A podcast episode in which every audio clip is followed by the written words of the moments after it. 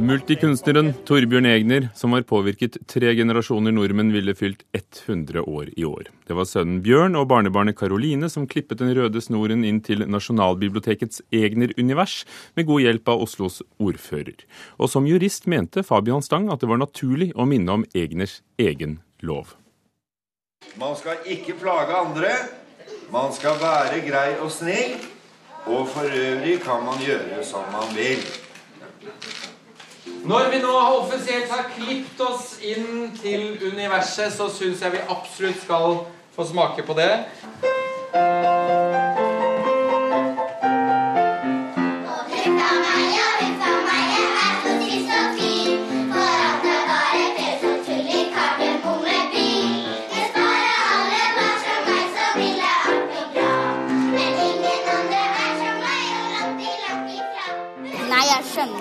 Skjønner vi siden jeg har vært på teatret hvor Kardemomme er. Og da har jeg sett Tante Sofie og de tre røverne.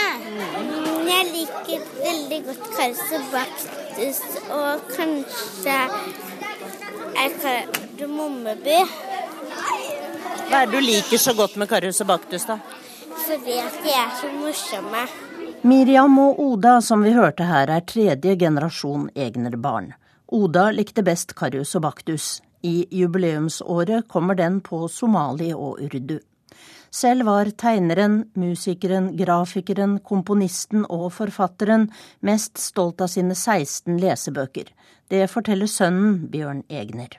Han har jo selv eh, sagt og skrevet at lesebøkene var det viktigste han har gjort.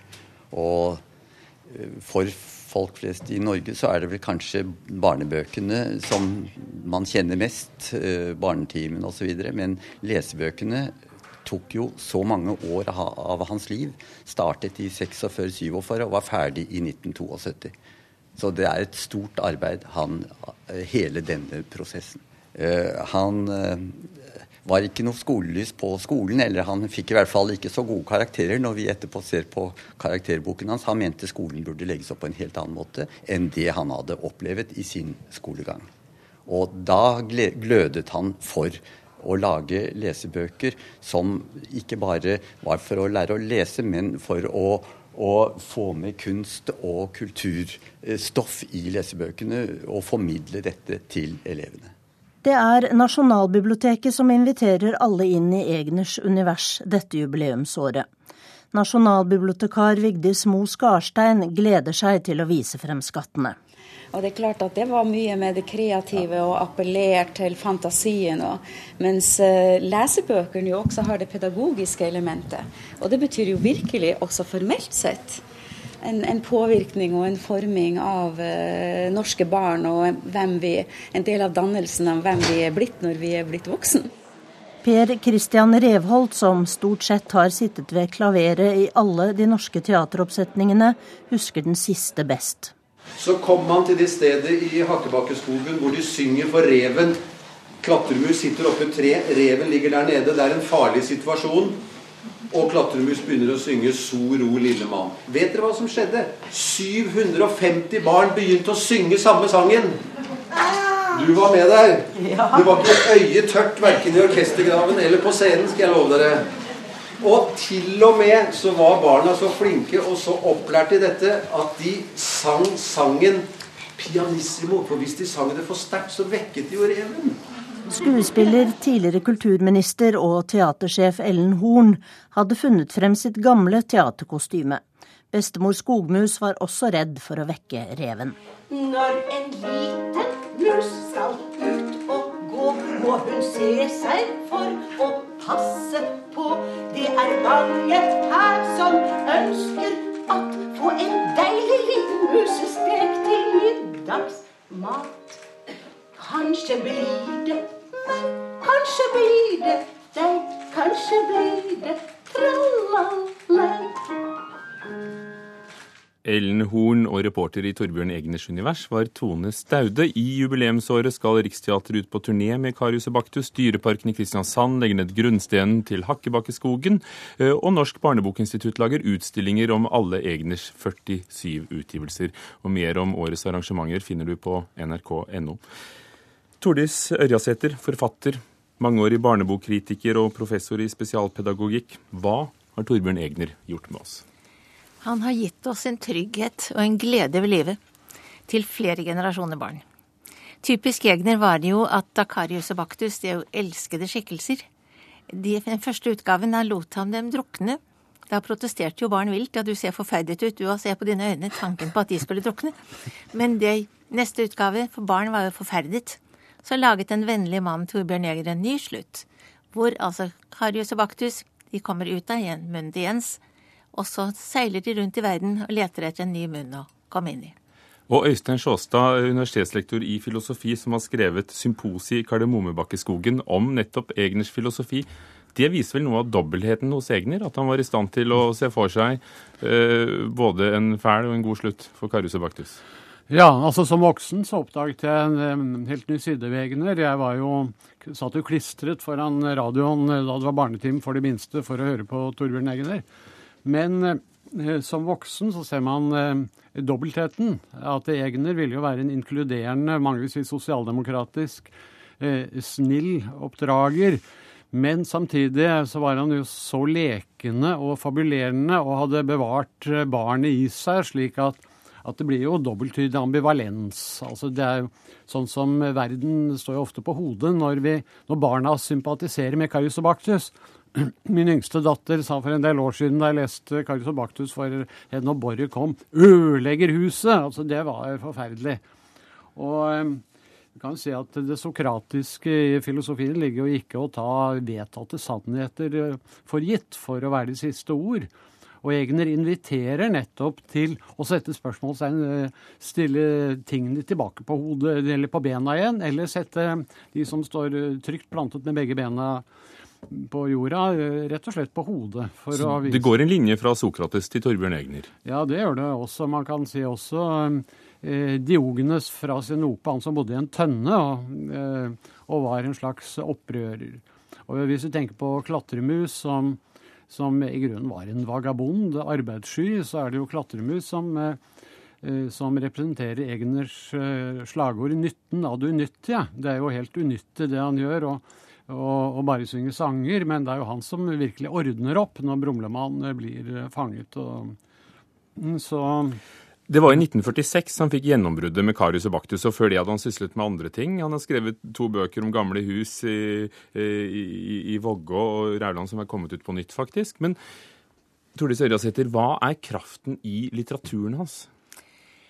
Jeg tror det er at han, han var en genial diktdikter. Han var multikunstner. Kunstner, bildende kunstner, dikter. Han bygget samtidig på mye tradisjon. Han hadde jo eventyrtradisjonen i seg. Men han laget ikke om trehoders troll, han laget om Kasper og Jesper og Jonathan. Han laget ikke at man går med sjumilsstøvler, man tar trikken. Han møtte barna i et urbant samfunn og ga dem diktning i sin egen tid. Men hvordan forklarer du at i generasjon etter generasjon, og fortsatt i dag, så leser småbarnsforeldre og synger de Egners tekster og sanger og viser dem bildene? Uh, enda dette var skrevet, altså Karius Baktus er fra 1946, mm. en tid med Oslo-frokost og gulrot og tran på skolen? Nei, det er vel det med stor diktning for barn. Altså er det noen måte å lage seg et evig liv på, så er, det å være en god barnedikter. Og jeg vil jo ære og lovprise NRK, som altså fikk da Torbjørn Jegner, Alf Prøysen, Anne-Kat. Vestli hit til mikrofon. Og så fortalte de på en stemme som var skjønn for barna å høre på. Og så ble det bøker etterpå, og det kan man jo kan høre som vi hørte nå, Egners stemme, den var jo bare skjønn. Samtidig var diktningen så god, han var så gjennomarbeidet, det var jo ikke en linje der som ikke var gjennomarbeidet, han var perfeksjonist. Og så var han nær barnas verden. Typisk, ikke sant, at Karius og Baktus er jo ikke dem barna Det er dem barna identifiserte seg med, ikke med Jens. Som jeg husker egne barn sa, ikke gjør som mora di sier, vi vil ha loff. Det var den skjønneste de lærte av alt det barnebøkene. Men er det ikke noe feil med budskapet da? Når, når barna ikke sympatiserer med Jens? Nei, altså det gir en, eh, en sjanse til innlevelse faktisk i, i andre vesener enn mennesker. I forskjellige dyr som vi ser på som noe lave kryp. Og det har jo også overføringsverdi til, til eh, altså mennesker som blir nedvurdert og diskriminert. Så det er på mange måter i videste forstand en invitasjon til å være kosmopolitisk og, og virkelig sette seg inn i andres ståsted. Altså Man lærer jo å, å se verden fra Karius og Baktus sin synsvinkel. Men, men er det ikke også noe litt forlokkende, nesten for enkelt i, i eh, lovverket hans, altså kardemommeloven. Man skal ikke plage andre, man skal være grei og snill, og for øvrig kan man gjøre som man vil. Eller paragraf 1 øh, i Hakkebakkeskogen. Alle dyrene i skogen skal være venner. Er verden så enkel? Ja, men, mm, altså når det gjelder eh, La oss ta kardemommeloven først, så, så, er den jo ikke veldig spesifikk, da. Men det er jo nettopp det som er styrken med den. At den eh, den kan tolkes på veldig mange måter. At den, eh, den gir faktisk et rom for, eh, for enkeltmennesket som, eh, som sto i kunne stå i strid med den eh, konformismen som tross alt eh, var dominerende på 1950-tallet. Var han en opprører? På en måte var han det. Han, han protesterte jo gjennom røverne. Men han var hele tiden på barnas side. Det var typisk at han definerte røverne slik at Kaspar var den peneste, tror jeg. Jonathan Nei, Kaspar var den eldste, Jonathan var den peneste, og hva var den tredje, da? Den tredje. Jeg var mest glad i mat. Det var på barnas side hele tiden. Jeg kjente ham nokså godt, vi arbeidet sammen. Og det som var genuint med ham, var jo denne vennligheten. Den møtte han enkelte barn med også. Eh, hadde kom barn inn i stua når vi jobbet, så var det dem han var opptatt av. Og det var ikke kunstig, altså. Det er jo en kjent sak at Egner var veldig streng med hvordan man brukte universet hans, altså teaterforestillinger. De skulle se akkurat slik ut. Eh, er det en god ting? Nei. Det er klart at det er gale ting å si om han. Og jeg må jo selv si at jeg har en mann blant annet som ikke greide å være med på at reven skulle spise gulrøtter. Det var liksom for makabert. Men eh, han hadde mange sider. Men han var jo så perfeksjonist, og han visste som Tobias i tårnet hvordan det skulle være. Så klart at skuespilleren og regissøren kunne av og til være litt fortvilt, men det var jo kjempebra det som ble, da.